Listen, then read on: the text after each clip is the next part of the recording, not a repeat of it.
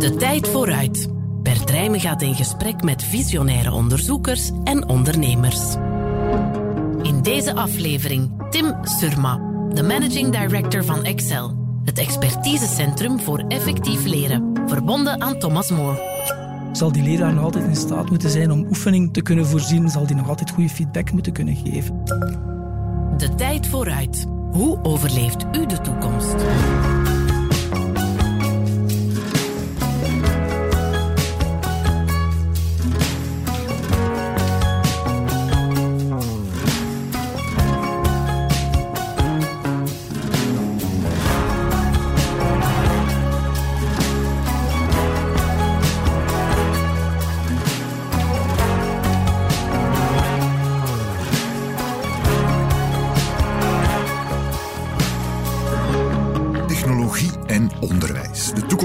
Ons de afgelopen twee jaar een beetje in, kan je zeggen. Toen leerkrachten allerhande op zoek moesten gaan naar de manier om digitaal les te geven. Zonder aan inhoud in te boeten, als het even kan. Wat voordien onoverkomelijk leek, werd nu toch snel mogelijk. Betekent dit dan ook dat technologie in het algemeen steeds meer en meer ons onderwijs zal sturen?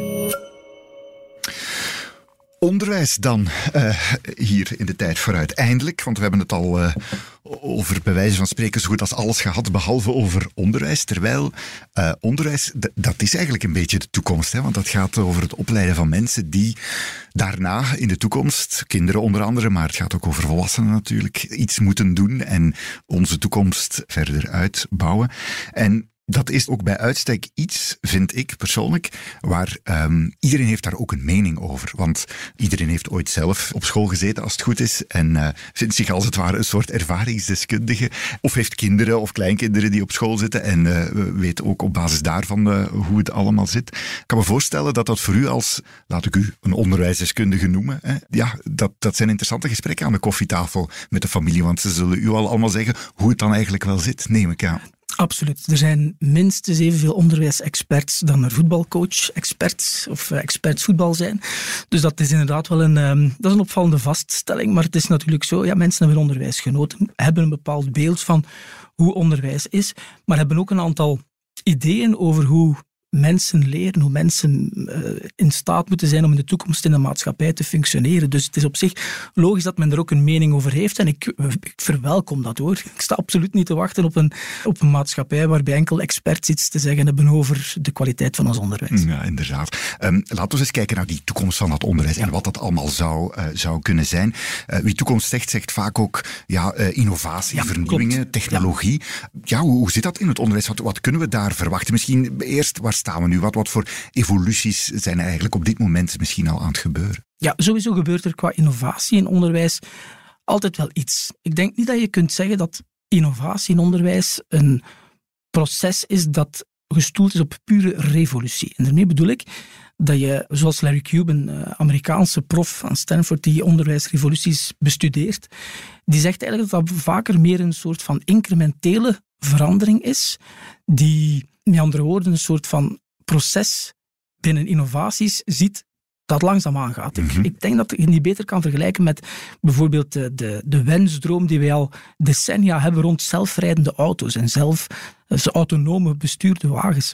Die, ik denk dat de eerste publicaties daarover in Japan in, in de jaren 70 al uh, te vinden waren, maar tot op heden zijn wij nog altijd niet bezig met ons collectief te verplaatsen in een zelfrijdende wagen. Hè. Dus on, ondanks het feit dat het een, een, aantrekkelijk innovatief idee is. Maar wat er wel is, is dat we natuurlijk nu al een aantal subsystemen in onze nieuwe wagens zitten hebben die het rijden vergemakkelijken, bijvoorbeeld die rijstrookcorrecties ja. enzovoorts. Hè. Dus dat zijn kleinere incrementele vormen die binnensluipen in het leven van alle dag. Dus een innovatie die de toets van de praktijk heeft doorstaan, die heeft kans op slagen. En ik denk dat dat in onderwijs ook zo is. Dat je dus zelden met een compleet nieuw systeem kunt gaan starten dat geen rekening houdt met wat men de grammatica van het onderwijs noemt. Met andere woorden, met een aantal basisverworvenheden, basisconcepten die met onderwijs te maken hebben. Kan u daar voor het onderwijs eens een voorbeeld van geven? Ja, een typisch voorbeeld van, van die basisgrammatica is dat we geneigd zijn om leerlingen te groeperen op leeftijd mm -hmm. in jaarklassen. Dat er vakken gegeven worden door leerkrachten die dus vakexpert zijn. Dat er toetsing invoegen is enzovoort. Dus er zijn een aantal basisconcepten die ook vaak ontstaan zijn vanuit een, een, een accumulatie van praktijkwijsheid over vele tientallen jaren, soms zelfs eeuwen heen. Ik zeg niet dat die altijd per definitie goed zijn of zo, maar ze hebben wel hun deugdelijkheid al, al bewezen in de loop van de tijd. Dus het is in dat opzicht ook niet altijd verstandig om daar te hard aan te raken. Om dat allemaal overboord te gooien, zomaar. Uh, ja, om te veranderen, om te veranderen, met andere woorden. Dus als het over innovatie gaat, dan hanteer ik heel graag een definitie die eerder neigt naar een verbetering aanbrengen in een systeem. En niet dus de vernieuwingsdrift als in het oude moet overhoop ja. Uh, nee, behoud wat goed is en trek lessen uit het verleden en verbeter wat verbeterd kan worden. Nou, wil het dan zeggen dat technologie en technologische vernieuwing niet, van toepassing oh, moeten oh, jawel, oh jawel. Ik, ik zie sowieso wel wat tendensen in ons onderwijs en ook wereldwijd. Ik denk dat je kunt spreken over zeker de rol van technologie. Mhm. Die rol is er trouwens altijd al geweest. Dus technologie is een factor. Ik denk hoe de leraar functioneert een, een tweede rol is en de rol van van wetenschappelijke inzichten daarin. Ik denk dat dat een tweede grote manier van innovatie kan betekenen voor ons Vlaams onderwijs. En het laatste is de inhoud, het, het wat onderwezen wordt. laten we eens, uh, u geeft daar eigenlijk drie, drie goede onderwerpen aan. Laten we eens bij dat eerste beginnen, die technologie. Wat, wat kunnen we daarvan verwachten? Hoe zal dat toekomstige school leren, dat gebouw, die, die, die manier van omgaan, hoe, hoe zal het eruit zien? Ja, het is, het is voor eerst heel moeilijk om voorspellingen te maken en zeker over de toekomst. Ja. Dus uh, als het gaat over, over hoe technologie onderwijs beïnvloedt, dan moet je weten dat dat ook al een heel lange geschiedenis mm kent. Dus gaande van de introductie van het boek, waar citaten bestaan van oh, sinds de introductie van het boek zullen onze kinderen minder leren. Dat heeft Plato destijds nog gezegd. Tot mensen die, de, die zeiden de schooltv komt eraan en, en zal alles revolutionair veranderen. Nu, niks van dat alles heeft het schoolleven baanbrekend veranderd, maar er is wel telkens een impuls geweest. Het zijn die impulsen die, die ons, denk ik, nu in staat stellen om te kijken wat er in de toekomst kan. Dus we moeten niet ontkennen dat corona en de pandemie ons heel wat... Iedereen aan de Zoom of, of op een andere manier via videoverbindingen. Ja, dus had men twee jaar geleden voorspeld dat leraren wereldwijd nu een aanzienlijk percentage van hun tijd zouden spenderen aan het creëren van online lessen, het creëren van hybride leeromgevingen enzovoort, dan had men u voor gek verklaard. Hè. En ik zeg zeker niet dat al wat er gebeurd is in die pandemie dan ook fantastisch verlopen is op technologisch vlak, maar het is alleszins wel een trigger geweest om een aantal van die zaken ook verder te gaan. Dus ik denk dat als je het hebt over innovaties, dat je dat op twee grote sporen kunt zien mhm. binnen technologie. Dus je hebt enerzijds het laaghangend fruit, hetgene dat je nu kunt rechtstreeks grijpen vanuit die pandemie. Ehm, de belangrijkste is daarbij volgens mij dus hetgeen dat wij als onderwijssysteem nu geleerd hebben door met technologie extra lestijd te kunnen creëren. dus een heel belangrijke factor die onderwijs succesvol of minder succesvol maakt, is de leertijd die kinderen krijgen. En dus kinderen die bijvoorbeeld een stukje achterop geraakt zijn voor rekenen, taal enzovoorts, de beste manier om dat bij te spijkeren is wat men noemt bijles of tutoring, of ja. Eh, noem gelijk welke term dat je erop kleeft. Maar je moet die natuurlijk ook kunnen voorzien. tot voor kort werd er dan heel klassiek gedacht in een één-op-één setting, waarbij dat je fysiek bij elkaar in de ruimte moest zitten om die bijles te kunnen geven. Nu, dat is natuurlijk nog altijd goed, daar gaat het niet om. Maar het feit is wel dat je dus nu systemen ziet ontstaan al tijdens de pandemie, waarbij dat er een soort van tutoring-model ontstond, waarbij leerkrachten op veel flexibeler momenten, ook niet enkel qua tijd, maar ook qua locatie, extra ondersteuning konden bieden, just in time, zoals men dat dan noemt, aan leerlingen die een bepaalde nood hadden uh, daaraan. Dat is nu een van die voorbeelden waarvan ik denk dat de technologie of wat de technologie ons geleerd heeft, dat dat ook kan blijven bestaan in postpandemische tijden. Een tweede voorbeeld daarbij is de kansen die technologie biedt om leerlingen met bepaalde extra zorgnoden of zorgbehoeften, om die te ondersteunen. Dus men kan tegenwoordig al leerlingen die slechtziend zijn of slechthorend zijn, daar kan bepaalde ondersteuning, speech-to-text, text-to-speech mhm. enzovoort, dat kan gewoon ingebed worden in een reguliere praktijk of meer ingebed worden in een reguliere praktijk. En dat geeft ja, heel wat voordeel, niet enkel voor de leerlingen zelf of voor de leraren uiteraard ook, maar misschien zelfs op termijn, om de maatschappelijke perceptie van mensen met handicaps of met leerstoornissen aan te pakken. Dus dat zijn kansen die volgens mij redelijk dichtbij liggen op vlak van Dat technologie. zijn eigenlijk technische, evo- technologische evoluties die je nu al ziet gebeuren, die, Ja. die, die, die makkelijk zijn. Ja. Eh, maar dat is natuurlijk nog maar een begin. Eh, Ja. wat, wat, wat kan dat op langere termijn eh, opleveren? Op lange termijn zitten we iets meer in, ehm, in utopia. En ik mag dat, want ik werk bij Thomas More. En we denken over de toekomst. En we denken over de toekomst. Dus dan, dan denk ik dat je bijvoorbeeld zou kunnen gaan kijken naar wat men in een aantal van die hypermoderne technologische scholen aan het doen is in Shanghai bijvoorbeeld. Dus daar heb je Luan, een lagere school, die helemaal verworden is tot wat men daar een, een smart school noemt. Niet te verwarren met ons eh, Een bekende programma hier. Of, eh, programma ja, hier, ja. maar daar gaat het echt over het, het, het, het creëren van een slimme school die met behulp van artificiële intelligentie, learning analytics, maar ook smart devices er alles aan doet om zoveel mogelijk van leerlingen te gaan monitoren met het oog op het nemen van de best mogelijke onderwijskundige beslissingen. Dat klinkt misschien nu nog heel vaag, hè? maar wat dat bijvoorbeeld concreet inhoudt in, in die school, is dat leerlingen, ehm, ze krijgen dan les, nadien volgen ze les met eerder gepersonaliseerde software.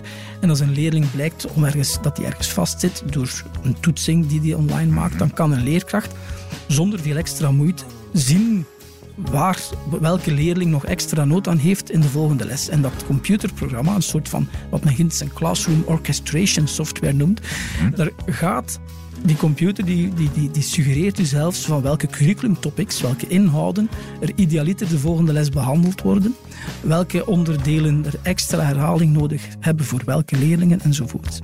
Leerlingen kunnen daarbij ook heel snel zien waar zij nog extra uitleg zelf nodig hebben. Dus die tutoring waar ik het zo pas over had. houdt de computer een beetje mee de leerlingen in de gaten, ziet waar mogelijk problemen zitten, waar, waar, waar het niet zo vlot gaat. zoiets. Ja, zo moet je het eigenlijk zien. Ja, die computers die, die worden een stuk intelligenter. Hè. En dan gaat het erom welke data dat je eigenlijk in het systeem steekt, om welke beslissingen dat eruit komen. Hè. Dus de data die wij bijvoorbeeld in Vlaanderen in ons systeem stoppen, dat is relatief beperkt. Hè. Dus wij houden ons vaak bij klassieke toetsen en er komen dan binnenkort wel gegevens van centrale toetsingen en zo bij. Maar in Luan dan bijvoorbeeld, daar gaat men heel ver. Waarbij men ook met gezichtsherkenning gaat werken en kijken in hoeverre dat leerlingen nog aandachtig zijn enzovoorts.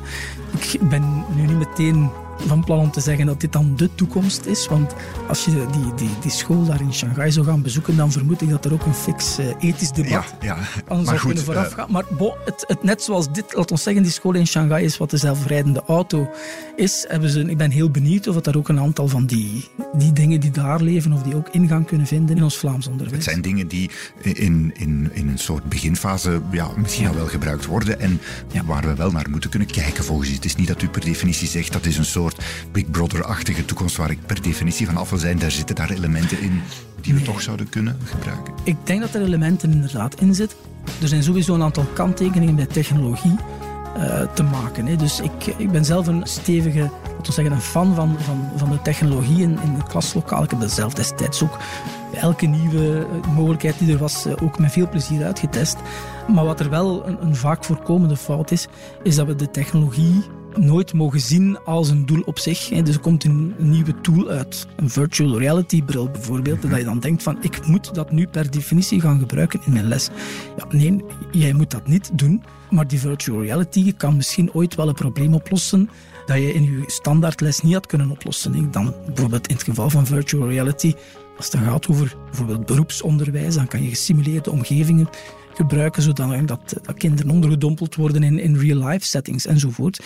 Maar vanaf wanneer je de technologie als doel op zich plaatst, dan merken we dat er wel een aantal mislukkingen op het ICT-kerkhof Ja. eh, vaak bijkomen. En ten tweede, er is nog op dit moment, bij mijn weten, geen enkel volledig omvattend onderwijskundig pakket dat de leerkracht uitschakelt. Dus het is in het beste geval hybride. Dat wil zeggen dat er op een moment in het onderwijsproces nog altijd de stem van de deskundige leerkracht nodig is om die kwaliteit te waarborgen. Ja, maar intussen zijn er die hulpmiddelen, die technologische Ja. hulpmiddelen, waarvan u zegt ja, dat, eh, dat gebruik van data waar u het over heeft, zoals eh, u het mij nu, nu vertelt, ja, dat is dan ook wel iets waar je als leraar ook een soort ja, objectief goed beeld krijgt van Ja. je leerlingen. Je hebt natuurlijk de ervaring als leraar. Mhm. die kan ook wel zien wat voor vlees hij in de kuip heeft in een bepaalde klas.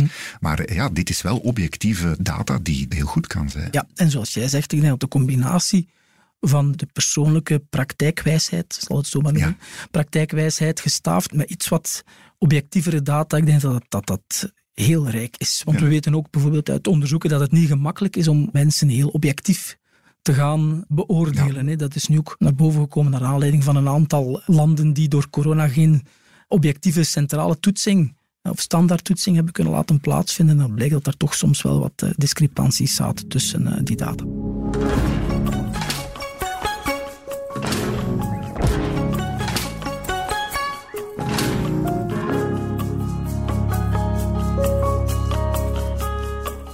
Daar moeten we het inderdaad ook over hebben. De rol van de leerkracht. We hebben het al over hoe gehad, techniek bijvoorbeeld, over wat. Daar hebben we het meteen over. Maar wie, welke leerkracht vormt het ideaal in de toekomst? En zal data ook die leraar helpen?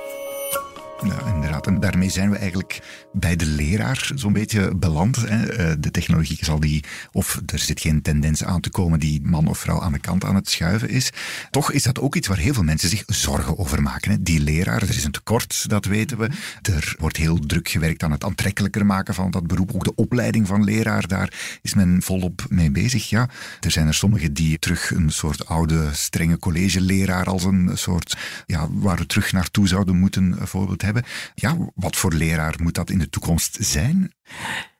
Over de, de kunde en de capaciteit van een effectieve leraar of een kwaliteitsvolle leraar, daar zijn al heel wat boeken over geschreven. Maar feit is wel dat je daarin wel een bepaalde constante ziet. Dus je hebt de constante die te maken heeft met het feit dat je als leraar toch geacht wordt. Een van je primaire verantwoordelijkheden als leraar is kinderen iets bijleren. Uw domein, een vak enzovoort. Dus dat wil zeggen dat je beroep doet op leerprocessen van de leerling. En daar zit onze biologie, onze evolutionaire biologie, zit daarbij als een heel stabiele factor. Dus ons menselijke cognitieve architectuur, eh, die is als dusdanig niet gigantisch veranderd. Dus dat wil zeggen dat er een aantal basisprincipes die al eeuwen gewerkt hebben, ook in de toekomst zullen blijven werken. Dus dat is de, de stabiliteit die in het leraarberoep zit. Dus ik denk dat sowieso, als je mij vraagt, binnen 100 jaar zal nog altijd een leraar in staat moeten zijn om een goede uitleg te geven van wat hij of zij wil dat het kind bijleert.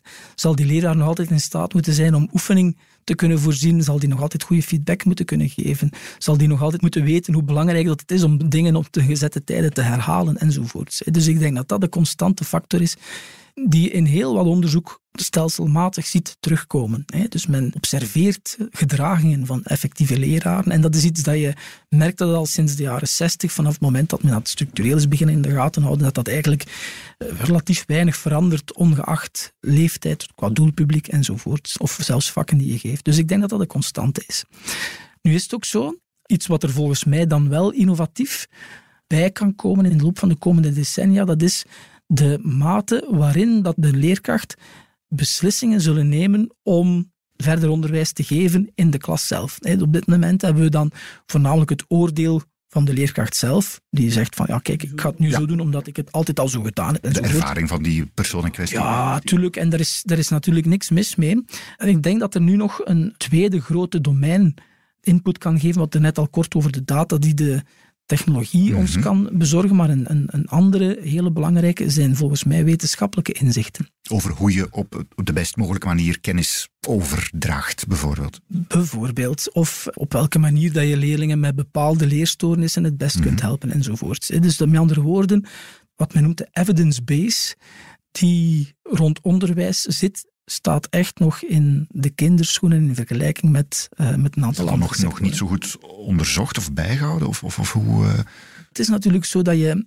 Er wordt heel vaak de vergelijking gemaakt met de medische sector, mhm. hè, waar men al sinds, ja, sinds de jaren 90 heel hard aan het werken is aan verschillende databases die syntheses maken en die het mogelijk maken voor de professionalen in, in de medische sector om te gaan kijken waar wat hoe kan werken, onder welke omstandigheden enzovoort.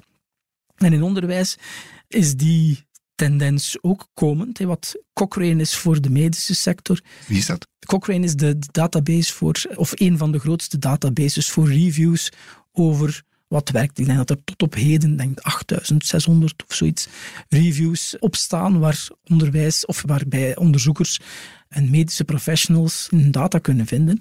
Op dit moment is dat voor, ik denk dat dat ontstaan is, ik denk dat Archie Cochrane, die dat opgericht heeft, die uitspraak gedaan heeft in 1979. Mhm. Toen heeft hij gezegd, zou de medische sector niet gebaat zijn bij structurele, systematische samenvattingen van wat ergens van kwaliteitsvol onderzoek en, uh, Kortweg niet meer de dokter die door zijn eigen jarenlange ervaring denkt: dit is een goede manier om een griep bijvoorbeeld te behandelen, maar een heel grote groep en centraal en goed bijgaan. Ja, en uiteindelijk heeft hij in de jaren 90 geleid tot, tot uh, Cochrane Collaboration. Nu mhm. wordt dat enkel nog in de volksmond Cochrane genoemd, die dus stelselmatig tot op de dag van vandaag updates bijhouden van relevant onderzoek. Nu, er is veel te zeggen ook over kwaliteit in onderzoeken, ook binnen de geneeskunde. Maar laat ons wel zeggen dat in onderwijs... Het gebeurt wel, ja. Het gebeurt wel. En in onderwijs staan we daar een stukje achter. Ik denk dat sinds... Komt dat eigenlijk? Want ja, het is niet dat we niet al eeuwenlang mensen aan het onderwijzen zijn.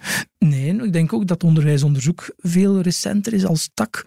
En, en dat je er ook het volume aan onderzoek dat gecreëerd is, is ook in van een andere grote orde. En dus ik denk dat er, ik heb de cijfers onlangs nog bekeken, ik denk dat er vorig jaar een achthonderdtal reviews verschenen zijn bij die Cochrane. En als je dat voor een onderwijskundige equivalent wil bekijken, denk dat er maar een stuk of 60, 70 waren. Dus er is ook veel minder kwaliteitsvol onderzoek ter beschikking. Hè. eigenlijk zouden we moeten gaan naar zo'n, ja, zoals dat voor de medische wetenschap bestaat, of het eh, zoals huisdokters mhm. toepassen, zou een leraar of zou er voor leraren ook een databank moeten zijn, een, een, een, een naslagwerk van zo moet het, of dit is een goede praktijk. Ja, ja, en het is nu niet dat dat nog niet bestaat hoor. Ik denk dat je bijvoorbeeld in het Verenigd Koninkrijk kan je naar de Education Endowment Foundation gaan kijken. Dat is een, bestaat ondertussen in tien jaar, dat is een charity die probeert te verzamelen wat werkt onder welke condities. In eh, de VS heb je What Works Clearinghouse. En er komen steeds meer initiatieven die bundelingen maken van ja, de beste praktijken, zodanig dat je in onderwijs ook een educated guess kunt maken. Dus eh, voor alle duidelijkheid, die wetenschap zal nooit ervoor zorgen dat je met 100% garantie beslissingen kunt nemen, want je blijft werken met mensen, maar je kunt je toch maar beter informeren over wat kansrijk gebleken is in bepaalde settings. En ik denk dat dat ene is, die, of, of, een vorm van innovatie is, waarvan ik heel benieuwd zou zijn, mocht deze podcast binnen 30 jaar opnieuw heropgenomen worden, of dat daar enige, enige schot uh, in Ik zal het uh, proberen in een of andere goede agenda te noteren. Ik, ik laat het u weten dan. Dank. maar om even terug te komen op die onderwijzer die voor de klas staat, die moet dus in de toekomst meer doordrongen zijn, meer ondersteund worden door dat evidence-based, door, ja, door die goede practices. Uh. Ik denk dat dat sowieso geen, geen, geen slechte zaak is. Nu, we kunnen daar heel diep over gaan, gaan filosoferen. Er zijn uiteraard nog een aantal problemen die daarbij horen. Ik heb er net al één genoemd. Je kunt veel minder dan in de medische sector beslissingen nemen over leerprocessen, omdat er heel wat factoren zijn die je veel moeilijker onder controle hebt dan in labo's. Daarnaast heeft ook de kwaliteit van het gebruikte onderzoek is daarbij ook heel belangrijk. Dus we hebben allemaal al veel gelezen over replicatiecrisissen en zoiets. Maar in onderwijs bijvoorbeeld was er vorig jaar, denk ik, maar van alle papers die gepubliceerd zijn, was maar 0,13% een replicatie van iets wat voorheen geprobeerd is. En dat is gigantisch. En wat is dat precies, die replicatie? Een replicatie is dat je dus een, een bepaalde aanpak die je getest hebt in een setting onder goede onderzoekscondities, dat je die ergens anders ook uittest en waarbij je gaat kijken, werkt dit nu ook? Een heel concreet voorbeeld. In Science Magazine stond een paar jaar geleden een onderzoek rond hoe leren leerlingen nu nieuwe informatie het best. Is dat door bijvoorbeeld een mindmap te maken of is dat door zichzelf te gaan testen? Dus mhm. een soort van oefentoetsjes creëren voor jezelf. En bleek uit dat onderzoek dat het creëren van zelftoetsing veel effectiever was dan mindmaps. Mhm. Voor velen was dat een verrassing, omdat mindmaps tegenwoordig heel populair zijn. In, zeker ook in lager onderwijs, maar secundair onderwijs wordt vaak gezegd: hey, maak maar een mindmap en u zult leren. Maar bleek dat dat toch niet zo optimaal bleek te verwerken. Maar dat is nu bijvoorbeeld een van die onderzoeken die wel gerepliceerd is. En daar vond men hetzelfde resultaat. Dus met andere woorden, er bestaan massaal veel onderzoeken die aanpakken tegenover elkaar uitzetten, maar dat is dan vaak in een heel specifieke context. En ik denk dat het onderwijs zou gebaat zijn ook bij, bij een stuk van evidentie, wetenschappelijke evidentie, waarvan dat je weet dat die verschillende keren getest is op verschillende doelgroepen en zodanig dat je weet waarom het wel bij wie gewerkt heeft enzovoort. Dat je dus meer de condities voor aanpak in kaart brengt. En nu is die ja, die reflectie is er nog niet. Het gebeurt te weinig. En dat zou dan ook uh, willen zeggen dat je ook een leraar in zijn hele carrière ja, meer die nieuwe inzichten ja, telkens ja, opnieuw moet, moet, blijven geven. Die moeten dan misschien meer nog dan nu via allerhande manieren die updates, eh, om het zo maar te zeggen, krijgen. Ja, ik denk dat sowieso ook een aanpassing in de lerarenbaan zich ook zal zitten in de professionalisering die erbij hoort. Ik denk ook dat je jezelf als beroepsgroep heel moeilijk serieus kunt nemen als je voorhoudt dat je op je 22e alles weet voor de rest van je 40-jarige loopbaan. Ik denk dat dat weinig eer aan het onderwijs doet. Dus ik denk dat dat er sowieso bij hoort dat een leraar, afhankelijk van het domein waarin hij staat, dat hij de reflex krijgt om een leven lang lerende te gaan zijn. Dat zijn condities die nu bijvoorbeeld in de Vlaamse context niet zo optimaal geregeld zijn. Dus ik hoop dat daar echt werk van gemaakt wordt. Ja, moet je dan de opleiding van die leraren veranderen, de hele carrière door, ze meer aanreiken, meer uh, zeggen, je moet dat meer doen? Moeten we ook andere leraren hebben, andere mensen die dat doen? Ik denk dat er op dit moment heel weinig incentives zijn om als leraar echt te gaan bijleren. Dus er zijn bijvoorbeeld al amper financiële middelen mhm. voor. Dus ik denk dat, oh, is het een, ik denk dat een Vlaamse leraar een jaarlijks professionaliseringsbudget in het lager onderwijs heeft van rond de 60 euro. Ja. Je mag echt eens proberen om een duurzaam bijleren te gaan financieren met 60 euro. Dus dat gebeurt niet. Nu ben ik ook heel beducht voor het feit dat meer geld ook niet automatisch alles oplost. Maar dit is toch wel heel weinig. Dus daarnaast denk ik dat er ook structuren nodig zijn die dat ook echt mogelijk maken. Er wordt nu heel sterk in, in lesuren als prestatieindicator gedacht. Dat is ook ene waarover gedacht kan worden of dat eventueel ook niet anders kan. En je vermeldt daar ook nog de, de vraag, hebben wij nog andere leraren nodig? Mhm. Je doet daarmee waarschijnlijk op een soort van neveninstroom. Bijvoorbeeld, ja, ja. Kan, als die op voorwaarde dat die goed opgeleid worden hè, en dat je niet, het onderwijs inderdaad niet gezien wordt als iets van, oh ja, je kunt het toch altijd maar, stroom maar in. Kan daar nog altijd terecht, ja. Nee, dus er moeten heel kwaliteitsvolle opleidingen voor neveninstromers opgericht, nou, die bestaan eigenlijk al, maar die moeten echt heel sterk uitgebouwd worden. Ja. Maar ondanks al die evoluties, voor u, denk ik, als ik u zo hoor, die leraar, die moet wel heel erg centraal blijven. Oh ja, absoluut. Ik bedoel, de leraar is absoluut de meest belangrijke persoon in een leerproces van een leerling. Dus we, we vertrouwen die kinderen toe aan een expert. En die expert die iets heel goed kan in een domein, dat kan gaan van een fantastische metser tot een, een, een heel goede haarkapper, tot een, een, een, briljante wiskundige, een geograaf die begeesterd is door alles en nog wat. Die mensen die hebben we eigenlijk nodig om die begeesteringen, maar ook die kunde dus duidelijk te maken voor die kinderen zelf. En dat lijkt nu op een heel filosofische insteek van mij, maar ook vanuit leraar- en effectiviteitsonderzoek weten we dat de belangrijkste factor die we kunnen beïnvloeden, er zijn veel factoren die we niet kunnen beïnvloeden, maar degene die we wel kunnen beïnvloeden, dat is de kwaliteit van de leraar. Mhm. Dus die, die is ontzettend belangrijk. We luisteren straks verder na dit.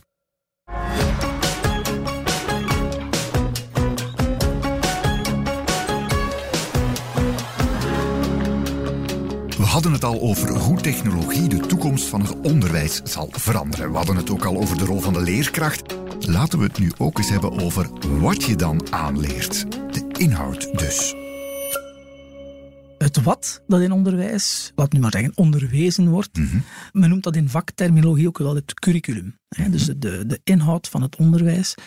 En dat wordt vaak vergeten als een innovatiefactor. En daarmee bedoel ik, leerkracht aardrijkskunde in de jaren 70, die gaf nog geen les over global warming. Nee, dat kenden we toen nog niet. Dat kenden we toen nog niet. Hè. En zo heb je van, tal van voorbeelden van evoluties waarbij dat we als mensheid, als soort, slimmer geworden zijn. En dus die cultuur die overgebracht kan worden op de volgende generatie, die, die is nu eenmaal veranderd ten opzichte van een aantal decennia geleden. Dus eigenlijk is op zich het wat je meegeeft met een toekomstige generatie op zich al een innovatie. Je mhm. geeft iets nieuws mee. Maar wat dat dan moet zijn, dat is natuurlijk voorwerp voor maatschappelijk debat. Dus je kunt vinden dat een kanon van Vlaanderen centraal staat, of je kunt dat absoluut niet vinden. Dat is geen, daar kun je over discussiëren, en daar moet je over discussiëren. Maar dus het, het wat heeft altijd al het potentieel voor innovatie in zich. Maar ik proefde in uw vraag ook een stukje naar het hoe, ja, aanpak binnen scholen. Ja, daar kun je dus ook al spreken over een aantal eh, decennia waarin dingen geprobeerd zijn mhm. en waarvan we weten dat sommige dingen beter werken dan anderen.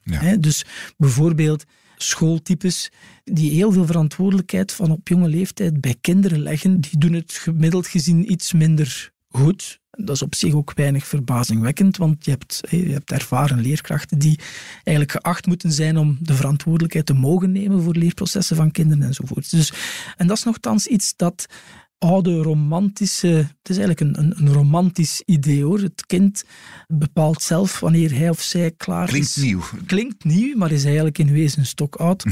en het uh, verschijnt keer op keer in andere gedaanten of onder andere benamingen opnieuw in het onderwijs. En dat is ene die, die aansluit bij hetgeen ik, wat ik eerder ook al aangehaald heb, namelijk de structuur van onze menselijke cognitie is op zich niet veranderd. Mhm. Dus als kinderen leren door observatie, door kijken hoe een ander iets modelleert, door imitatie, door herhaling, door kunnen uitproberen enzovoort, door zelf toe te passen, dan zijn dat eigenlijk een aantal fundamentele wetten van hoe mensen leren. En als je een didactiek zou gaan omarmen die al per definitie zondigt tegen een aantal van die basiswetten, dan is de kans groot dat dat als systeem faalt. Hè. Zegt u nu dat een, een methode van onderwijs die die principes die u aanhaalde ja, niet of, of veel te weinig gebruikt, dat dat niet lukt? Elke aanpak zal wel ergens werken voor een mhm. bepaald doelpubliek. Vandaar dat ik er zo pas ook heel bewust bij zet als je dat als systeem gaat uitrollen. Als je nu een Vlaams onderwijssysteem zou gaan hebben waarbij dat je verwacht dat elke school uh, georganiseerd wordt in, in leerpleinen, waarbij leerlingen naar school komen en kiezen wanneer ze welke taak uitvoeren en kiezen wanneer ze welke workshop volgen bij welke coach, om even in, in zogenaamd moderne terminologie te blijven, dan kun je ervan op aan dat dat geen succes zal zijn. Wil dat zeggen dat die scholen niet succesvol kunnen zijn? Ja, uiteraard wel. Bepaalde aanpakken werken voor sommige kinderen nu eenmaal wel. Bijvoorbeeld kinderen die heel veel voorkennis hebben over een bepaald topic, en die door ook buiten de school gepaste ondersteuning krijgen in het leren, die zijn gebaat bij heel veel vormen van onderwijs. Mhm. Dus die meer vrijere vormen van onderwijs, die, die hebben zeker een plaats. En ik zou ook absoluut niet willen dat ze naar aanleiding van podcasts al deze onder vuur komen te liggen, verre van. Maar als je denkt dat dat een systeemoplossing is, dan heeft de geschiedenis wel geleerd dat dat niet... Het werkt voor, voor een bepaalde groep die thuis bijvoorbeeld al veel meekrijgt, of die eh, sterker is in bepaalde aspecten, dat, daar, daar kan dat wel. Maar ja, als ik u dat hoor zeggen, ja, zegt u toch, ja, dat negeert wel ja, de, Die, die basisprincipes die we door een soort eeuwenlange evolutie, waarvan we wel weten, ook empirisch wetenschappelijk hebben vastgesteld, dat dat eigenlijk de manier is waarop je iets leert. Ja, klopt. En dat is, dat is ene die, ik heb je al gezegd, dat die op vele manieren opduikt in ons onderwijssysteem. En heel mooie daarbij is, om te illustreren, is het feit dat men dit ooit heel grootschalig heeft getest. Mhm. In een Amerikaans onderzoek in de jaren 70. President Johnson in zijn War on Poverty aan de jongsten lager onderwijs, kleuteronderwijs en, en, en de eerste paar jaren van het lager onderwijs een soort van grootschalig onderwijskundig experiment heeft opgezet, waarbij hij zei van kijk, er mogen verschillende onderwijsaanpakken getest worden op een duurzame manier. Ga uw gang. Uh, wij brengen in kaart wat de effecten zijn op korte, middellange en lange termijn. Fantastisch experiment dat bij mijn weten nergens deftig herhaald is. Zou waanzinnig boeiend zijn, omdat het een aantal aannames die nu vast circuleren, die zouden ook eens... Stevig onderuit gehaald worden. of, of net tegenovergesteld. Dus ik stel die dingen heel graag in vraag op, alle, op langs elke kant. Maar daaruit bleek bijvoorbeeld dat de, de, de onderwijsvormen waarbij dat de leerkracht echt het voortouw neemt in het leren van de leerlingen. Met andere woorden, bepaalt wat er geleerd gaat worden, dat met passie en tempo uh, brengt voor de kinderen, waar heel veel interactie is, waar kinderen veel kansen krijgen om vragen te stellen, om oefeningen te maken enzovoort. Dat klinkt nu ja, weinig wereldschokkend, maar dat was veruit de beste aanpak binnen dat systeem, terwijl de vormen van wat men destijds dan open education noemde, dus denk aan de scholen die eruit zien als de moderne kantoortuinen enzovoort, dat bleek heel moeilijk te werken, zowel voor de verwerving van basiskennis en basisvaardigheden, maar ook voor meer de, de hogere orde denkvaardigheden, maar zelfs ook de sociaal-emotionele factoren. Dus ik denk dat we die bevindingen ook niet mogen negeren. Nee, inderdaad. Zegt u dan, we moeten met ja, de kennis die dat soort experimenten of, of langdurige mhm. wetenschappelijke observaties is gekomen, is daar volgens u een soort ja, curriculum uit te distilleren, een beste manier van aanpak om dan naar de toekomst, specifiek wat betreft die inhoud, te gaan. Het is ook iets wat je vaak bij bedrijven hoort, wil ik maar zeggen, dat ze zeggen, ja, we krijgen hier mensen uit het onderwijs binnen en ja, die kunnen eigenlijk niet naar, naar wat wij nodig hebben, waar wij naar op zoek zijn. Ja, er is, er is een vaak gehoorde misvatting die toch al meer dan tien jaar heel populair is, waarbij men dus denkt dat generieke vaardigheden belangrijker zijn dan domeinspecifieke. Ik ga een concreet voorbeeld geven. Bijvoorbeeld kritisch denken. Dus mhm. je, je, zou als bedrijfsleider nu kunnen zeggen van ik heb eigenlijk niemand nodig in mijn bedrijf die veel weet daarover. Ik wil gewoon iemand die toekoer kritisch kan denken. En die boodschap is waarschijnlijk terecht. Dus ik kan mij goed inbeelden dat men dat heel belangrijk vindt. Het is ook heel belangrijk. Alleen weten we nu dankzij wetenschappelijke vooruitgang op dat vlak ook hoe men tot kritisch denken komt. En een van de meest cruciale voorwaarden die te maken heeft met kritisch denken is dat je voldoende achtergrond, expertise nodig hebt om überhaupt ergens kritisch over na te kunnen denken. Dus ik voel mij redelijk goed in staat om over heel wat topics binnen onderwijs, maar ook niet alle, maar heel wat topics binnen onderwijs een gefundeerde mening te gaan bezorgen. Maar als deze podcast nu toevallig zou gehandeld hebben over de impact van GGO's op uh, voedselvoorziening in Centraal-Afrika, dan denk ik dat mijn kritische reflectievermogen heel wat minder zou bijgedragen hebben tot deze podcast. Mhm. Dus ik denk dat ook bedrijven dat moeten inzien, dat een fundament het ABC van waarvoor het bedrijf staat op inhoudelijk vlak. Dus niet enkel die soft skills, maar wat moet je echt kunnen om hier in dit bedrijf te kunnen werken? Dat die ABC, die domeininhoud, een heel belangrijk startpunt is. Je hebt iemand nodig, bijvoorbeeld, die heel goed is in statistiek, om kritisch te kunnen zijn of kritisch te kunnen nadenken over ja. statistiek. ja, natuurlijk. Nu is het zo, je mag er ook niet helemaal zwart-wit in denken. Mhm. Dus vanaf wanneer je bepaald aantal inhoudelijke vaardigheden of een inhoudelijke expertises hebt, zoals bijvoorbeeld een dieper inzicht in statistiek, mhm. dan ben je natuurlijk wel in staat om over domeinen heen kritisch te kunnen nadenken over verwarringen tussen causaliteit en correlatie enzovoort. Dat zijn dingen die wel transfereren over domeinen heen, maar het blijft wel een vakinhoud die je dus moet verworven hebben. Dus je, je hebt nog altijd dus opleidingen nodig die die inhouden dan echt aan gaan leren aan de leerlingen of aan medewerkers in bedrijven. Dus met andere woorden, ik denk, de nadruk zou voor mij part iets minder op, op pure generieke vaardigheden mogen liggen, maar iets meer op de domeinspecifiek. Ziet u het ook in de juiste richting evolueren met die inzichten die u nu meegeeft? Dat we heel goed moeten zijn, heel bewust moeten zijn van die manier van kennis, kennis opdoen? Um, ik wou dat ik uh, positief kon antwoorden op uw vraag, maar ik zie dat in alle richtingen uitgaan. dus uh, we zien ook in leerdoelen die onze leerlingen uh, nu nog moeten bereiken, dat er een aantal mooie algemene doelen in staan, maar men noemt die dan vaardigheden, waardoor je de illusie krijgt dat je ze zou kunnen trainen. Hè. Bijvoorbeeld het vinden van een centrale idee in een tekst. Mhm. Prachtig centraal doel voor mijn part. Ik zou niet willen, liever hebben dat iedereen dat Lijkt kan. Iets wat je moet kunnen, ja. Ja, tuurlijk, maar dan suggereer je dat je dus met elk soort tekst zomaar zou kunnen ik wil u de laatste publicatie van Stephen Hawking en, en Thomas Hartog van de KU Leuven meteen, uh, ja. u, in terecht kunnen. Ja. U, u, mag voor mijn part met al uw kennis van zaken over generieke analysestrategieën voor teksten, maar ik vermoed dat u niet tot de essentie zult komen. En dat is iets dat in onderwijsmiddels wel leeft, denk ik. Als je op scholen komt en je praat met leraren erover, dan ga je bijna altijd unaniem horen van ja, kijk, het domein waarin dat je werkt, daar start het uit. En je wilt dan werken aan die vaardigheden en die volgen uit je domein. Ik denk dat dat een heel mooi ja, compromis is het niet. Ik denk dat het een mooie voortzetting is van wat we eruit weten. Dus de soms terechte kritiek die het onderwijs uit de jaren 70 en 80 kreeg, was dat men stopte bij het verwerven van domeinkennis. Zijnde, hier heb je een geschiedenisboek, beste vrienden. Maak dat het in je hoofd geramd zit tegen een examen en uh, vele groetjes, komma, jullie geschiedenisleraar.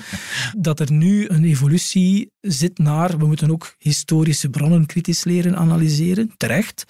Maar het andere uiterst is evenmin goed. Men, een leerling zal niet in staat zijn om die bron kritisch te analyseren als hij niet genoeg achtergrondkennis heeft over dat tijdsvak heeft enzovoorts. Maar ik denk dat er wel kansen liggen om kritisch denken dan binnen die domeinen ook binnen te krijgen.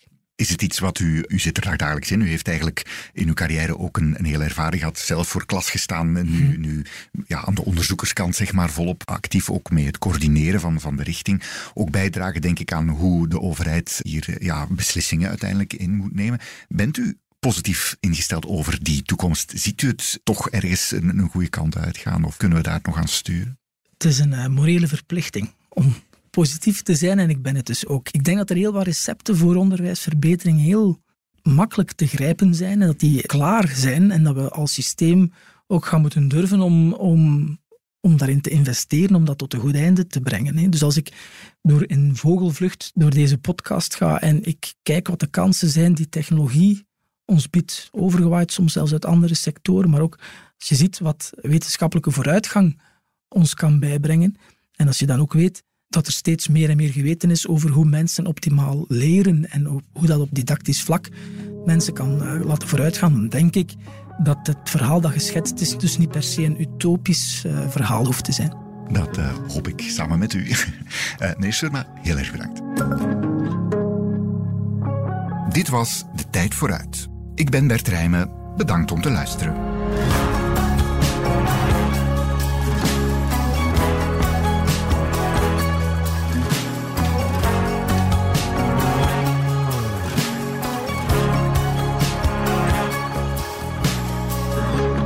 Voor meer business en straffe nieuwsverhalen, check tijd.be of onze app.